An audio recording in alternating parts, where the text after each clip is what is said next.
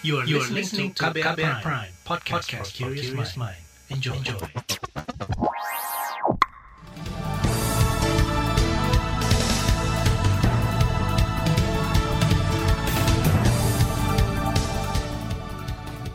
Selamat pagi saudara, senang sekali kami bisa menjumpai Anda kembali melalui program Buletin Pagi edisi Senin 11 Oktober 2021. Saya Malika.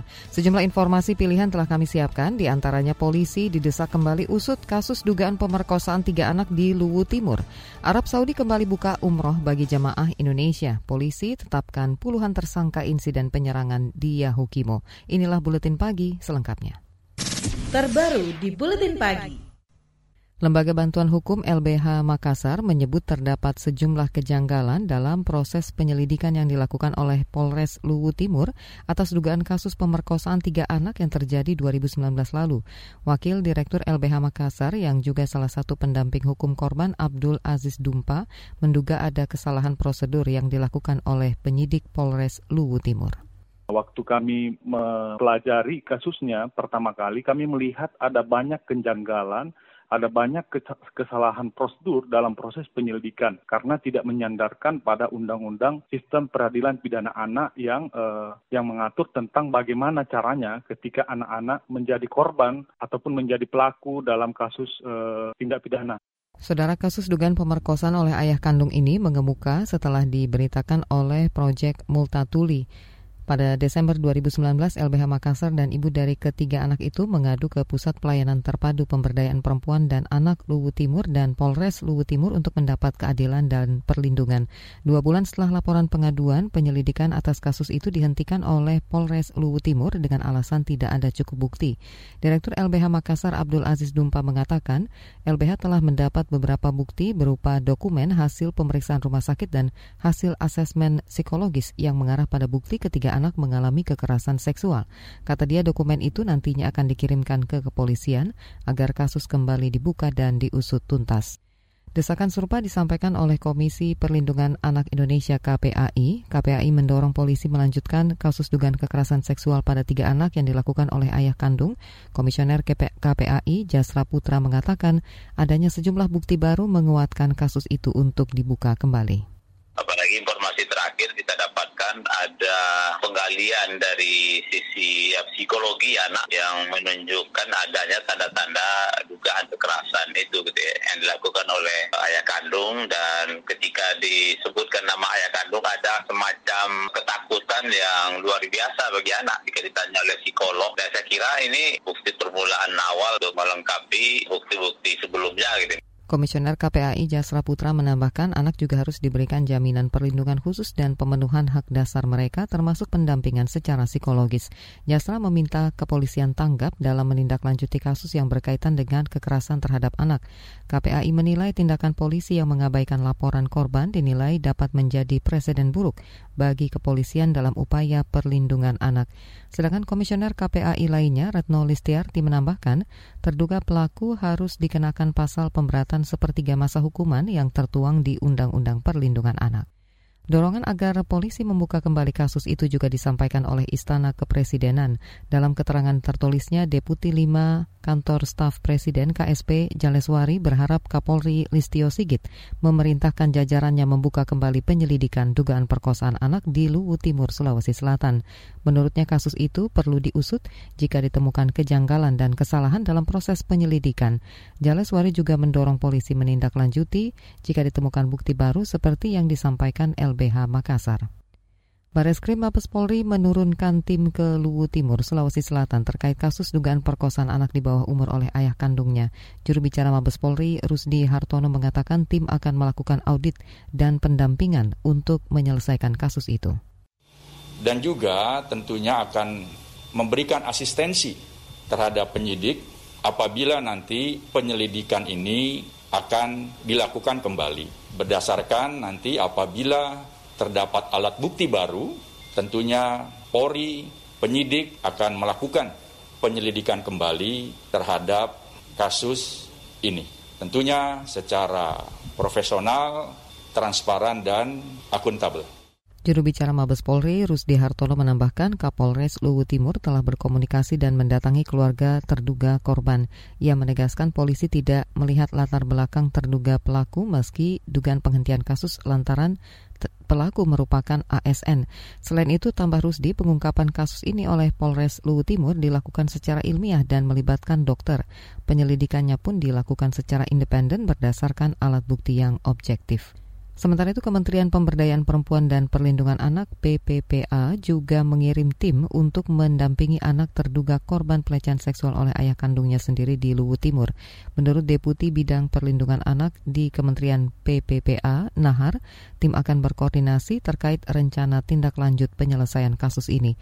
Kata dia, tim juga akan memastikan korban mendapat layanan dan pendampingan hukum secara psikososial pertimbangannya pertama adalah jangan sampai dampak dari persoalan yang dihadapi dalam proses hukum ini berpengaruh ke psikis ya, psikis anak gitu. Misalnya karena dia jadi pusat perhatian, lalu kemudian juga berpeluang untuk mengalami bully atau bahkan menjadi ada hambatan ketika ke sekolah dan berinteraksi di lingkungan rumahnya. Inilah yang ingin kami cek dan pastikan agar ini tidak menimbulkan masalah baru bagi anak-anak kita.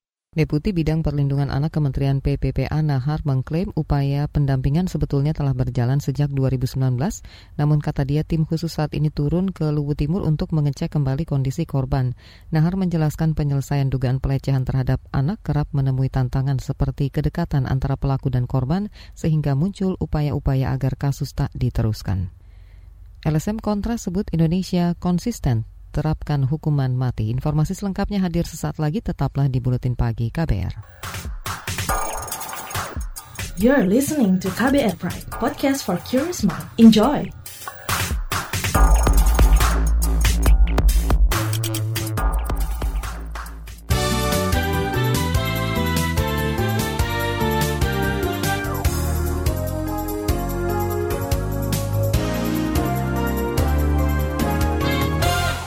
Anda sedang mendengarkan Buletin Pagi KBR.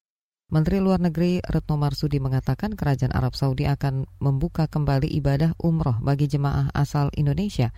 Rencana itu kata dia disampaikan Saudi melalui nota diplomatik kedutaan besar Indonesia pada 8 Oktober lalu. Menurutnya pembukaan umroh bagi Indonesia merupakan hasil penanganan COVID-19 di tanah air yang semakin baik.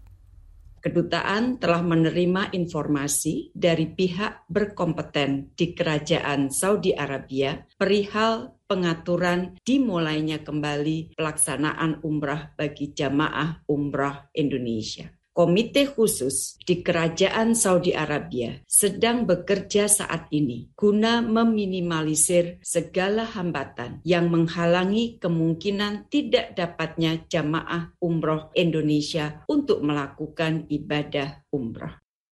Menteri Luar Negeri Retno Marsudi menambahkan dalam nota diplomatik juga telah dibahas mengenai vaksin dan mekanisme karantina selama lima hari bagi jemaah umroh yang tidak memenuhi standar kesehatan. Retno menambahkan Indonesia bakal menindaklanjuti nota diplomatik ini dengan berkoordinasi bersama Menteri Agama dan Menteri Kesehatan serta otoritas di Kerajaan Saudi. Pemerintah Indonesia kembali mendatangkan 2 jutaan dosis vaksin COVID-19 produksi Pfizer dalam bentuk jadi dari Amerika. Juru bicara Kementerian Kesehatan Siti Nadia Tarmizi dalam keterangan tertulisnya menyebut kedatangan vaksin kali ini untuk menjaga stok vaksin di tanah air. 2 jutaan vaksin yang datang itu juga akan didistribusikan ke 12 provinsi lainnya di Indonesia seperti Aceh, Sumatera Utara, Kepulauan Riau, Jambi, Bengkulu, Nusa Tenggara Timur dan Gorontalo. Dengan kedatangan kali ini maka jumlah vaksin di Indonesia mencapai 280,5 juta dosis dalam bentuk jadi maupun bahan baku. Sementara perkembangan kasus COVID kasus positif COVID-19 di Indonesia hingga kemarin bertambah hampir 900 kasus dengan angka kematian mencapai 39 orang. Tambahan itu membuat total kasus COVID-19 di Indonesia sejak awal pandemi mencapai 4,2 juta kasus dengan 142 ribu kematian. LSM HAM Kontras menyebut Indonesia masih menerapkan hukuman mati sebagai pidana pokok.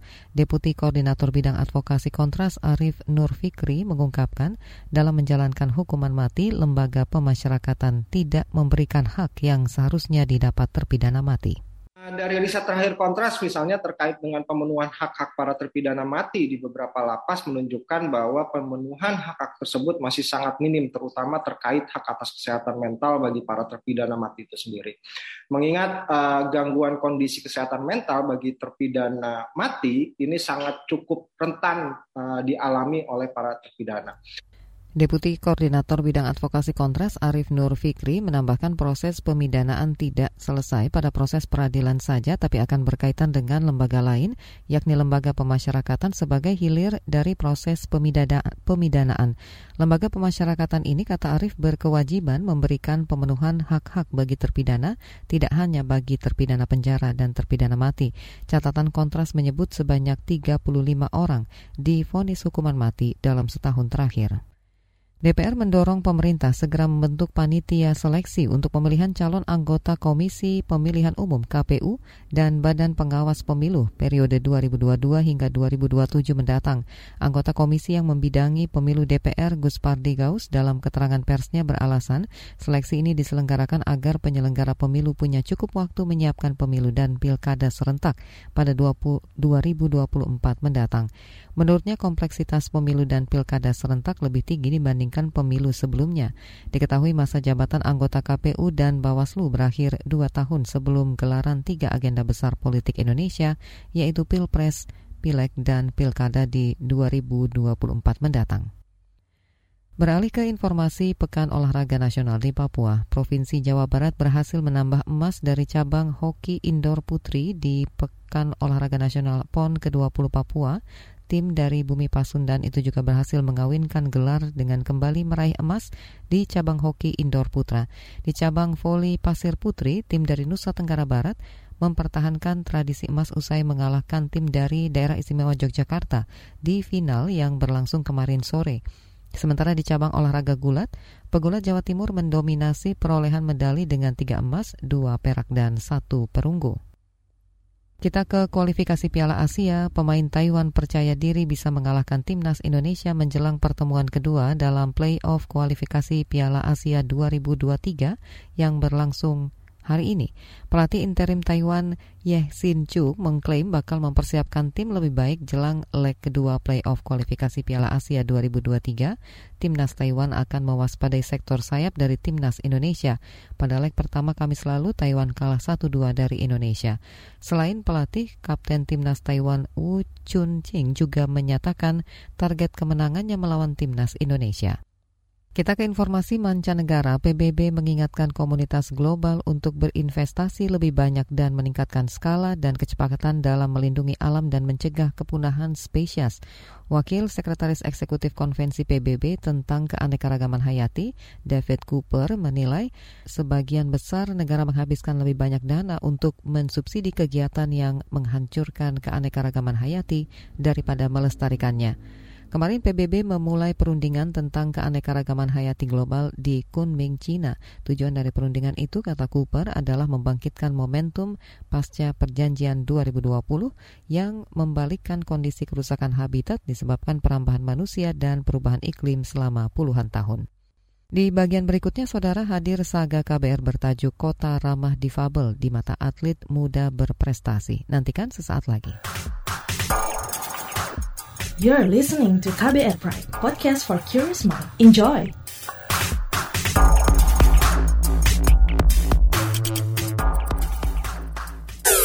Commercial break. Come on yo, buat yang sukanya berhoax, you better listen to this one. Check this one out yo.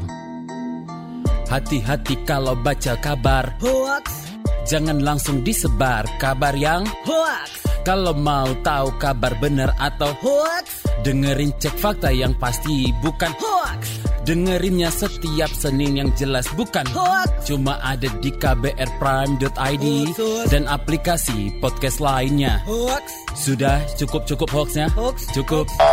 Jaga emosi, tahan jari, verifikasi sebelum dibagi. Saya Aribo Sasmito, Ketua Komite Pemeriksa Fakta Mafindo.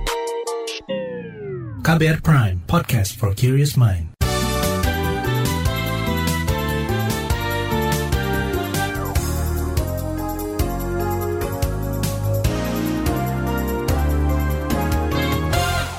Anda masih bersama kami di Buletin Pagi KBR.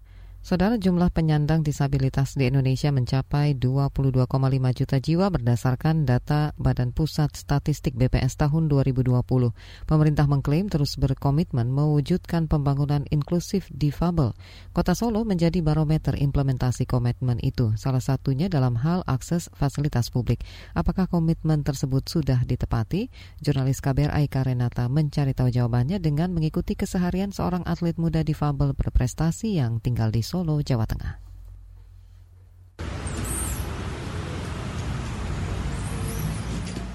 Suara berdecit terdengar kala tangan Laura mengayuh kursi roda menyusuri tanjakan menuju kolam renang tempatnya berlatih di kawasan Solo, Jawa Tengah. Ia mesti mengeluarkan tenaga ekstra untuk mendaki jalur sepanjang 5 meter itu. Setahun belakang ini udah ada perbaikan dari pihak kolam. Yang dulunya tangga itu udah ditambahin jalan buat kursi roda. Yang nggak terlalu curam, cuma sedikit berat aja gitu. Kalau kita yang udah capek latihan, mau gowes kursi roda itu capek sih. Istilahnya kan kalau kursi roda itu udah susah lah, naik dikit lagi susah. Ingat bahwa kursi roda itu bukan cuma nggak ada tangga aja, tapi jalannya nggak terlalu curam gitu. Karena percuma kalau misalnya jalannya terlalu curam, kita nggak bisa make. Ada orang yang bahkan pak dia pakai kursi roda, tapi tangannya tuh bermasalah gitu. Sedikit tidak berguna kalau kayak gitu. Situasi seperti itulah yang dijalani Laura selama enam hari tiap pekan. Pemilik nama lengkap Laura Aurelia Dinda Sekar Devanti ini tengah intensif berlatih jelang Pekan Paralimpiade Nasional Peparnas pada November 2021 mendatang. Laura adalah atlet difabel cabang olahraga renang andalan Indonesia. Perempuan 22 tahun itu menyumbang dua medali emas untuk tim Merah Putih saat ASEAN Para Games 2017 lalu.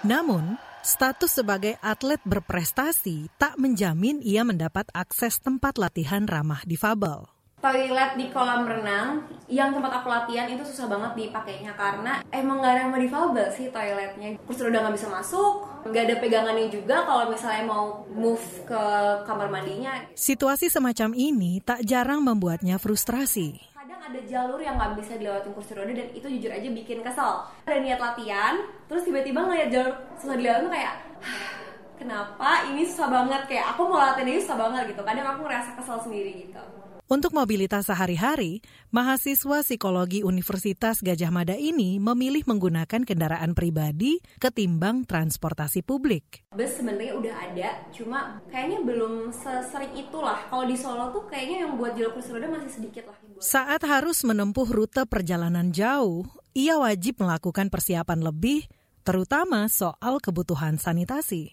Pasalnya, akses khusus untuk difabel terbilang langka. Pom bensin itu susah banget nyari toilet yang ramah difabel. Jadi aku kalau misalnya keluar kota, kadang pakai pampers atau bener-bener kita nyari yang di Maret yang bisa dilewatin kursi roda. Apa yang dialami Laura, di sisi lain menunjukkan progres lamban pemerintah kota Solo dalam memenuhi hak kelompok difabel. Pasalnya, riset LSM Kota Kita dan UNESCO beberapa tahun lalu menunjukkan problem yang sama. Fasilitator senior Kota Kita, Fuad Jamil. Ternyata hanya 39% di Pabel yang pernah mengakses ruang publik dan taman kota kayak gitu ya. Dan hanya 52% yang pernah menggunakan transportasi umum. Nah ini menimbulkan pertanyaan sih sebenarnya ada apa dengan fasilitas publik atau dengan infrastruktur publik di kota Solo ini. Dari sisi regulasi, Solo sudah punya payung hukum untuk menjamin perlindungan dan pemenuhan hak difabel. Namun, perlu dilengkapi aturan turunan agar bisa segera dieksekusi. Selain itu, menurut Fuad, pemerintah kota perlu melibatkan kelompok difabel dari mulai perencanaan sampai evaluasi. Soal aksesibilitas itu kan bukan atau melulu memenuhi hak-hak penyandang disabilitas tapi juga kelompok rentan lain. Ini adalah isu universal karena aksesibilitas itu juga akan bisa dinikmati oleh perempuan, anak, lansia, Sementara itu, Wali Kota Solo Gibran Raka Buming Raka mengklaim senantiasa melibatkan kelompok difabel untuk memastikan hak-hak mereka terpenuhi. Meski begitu, Gibran mengakui kondisi saat ini masih belum ideal. Masalah infrastruktur pasti melibatkan kaum difabel dari perencanaan, proses konstruksi, penyediaan guiding block kami pasti menyediakan. Kemarin saya juga sudah ketemu tim advokasi difabel, sudah banyak yang kita bicarakan. Nanti kami perbaiki lagi lah ke depan.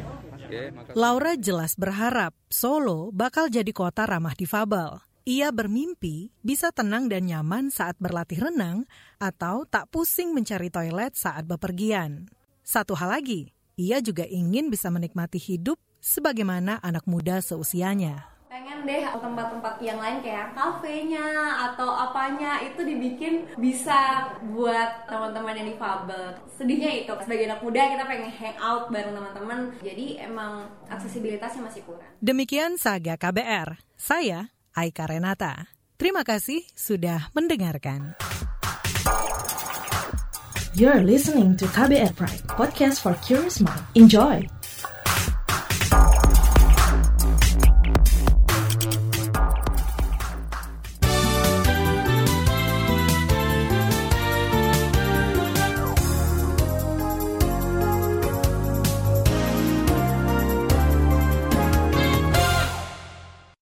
Inilah bagian akhir buletin pagi KBR. Kepolisian menetapkan puluhan orang menjadi tersangka penyerang terhadap warga di beberapa titik di DKI, ibu kota Kabupaten Yahukimo, Papua awal Oktober lalu.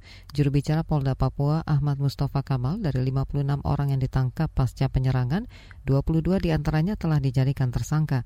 Sisanya masih diperiksa penyidik Polres Yahukimo. Mereka diduga pelaku penyerangan terhadap warga dan membakar beberapa bangunan di sana. Yang pertama 52, terus kemudian tambah lagi 4, jadi 56 orang. Secara kumulatif eh, dari 56 orang setelah melakukan pemeriksaan secara intensif, 22 orang menjadi tersangka Juru bicara Polda Papua Ahmad Mustafa Kamal menambahkan polisi juga telah menyita sejumlah barang bukti yang digunakan saat menyerang. Selain itu polisi juga menangkap salah satu kepala suku berinisial MKB yang diduga sebagai otak dari penyerangan itu. Akibat kerusuhan, enam orang tewas dan empat puluhan lainnya luka-luka. Lebih dari 3.000 jiwa masih mengungsi. Pemerhati disabilitas dari komunitas advokasi disabilitas Aura Lentera Banyuwangi Jawa Timur menilai hampir seluruh destinasi wisata di daerah itu belum ramah difabel.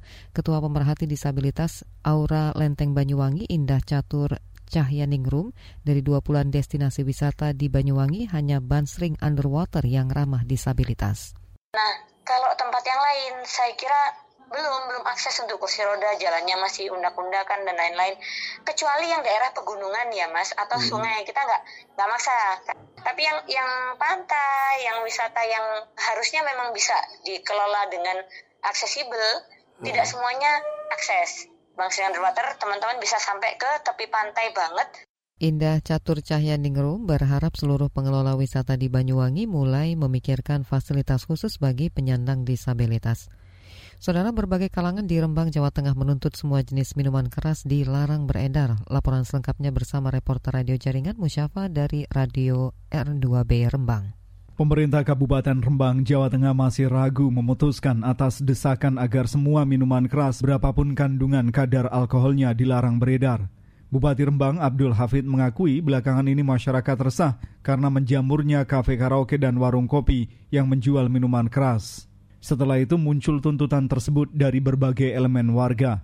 Pihaknya masih mempertimbangkan banyak hal supaya situasi di tengah masyarakat tetap kondusif. Yang alkoholnya, nuntutnya itu alkoholnya nul, harus sudah apa harus dilarang dipercaya itu. Nah ini seperti anggur itu kan ada alkoholnya 2% atau berapa itu. Nah tinggu kalau tinggu nopo tinggu jamu kira-kira bagaimana? Ini kan sudah beredar di warung-warung. Nah ini monggo ini saya sampaikan agar nanti Bapak Ibu di dalam diskusi tentang apa merumuskan langkah-langkah penanganan narkoba ini bisa tepat. Bupati Rembang Abdul Hafiz Bupati menambahkan sudah ada 46 ormas yang siap membantu PMK Rembang dalam memerangi penyakit masyarakat, merupakan gerakan positif. Namun, ia bersama TNI Polri akan tetap mengendalikan supaya tidak memicu kegaduan. Musyafa R2 Birembang melaporkan untuk KBR. Saudara informasi tadi menutup jumpa kita di Buletin Pagi hari ini. Pantau juga informasi terbaru melalui kabar baru situs kbr.id, Twitter kami di akun @beritaKBR, serta podcast di alamat kbrprime.id. Saya Malika bersama tim yang bertugas undur diri. Salam.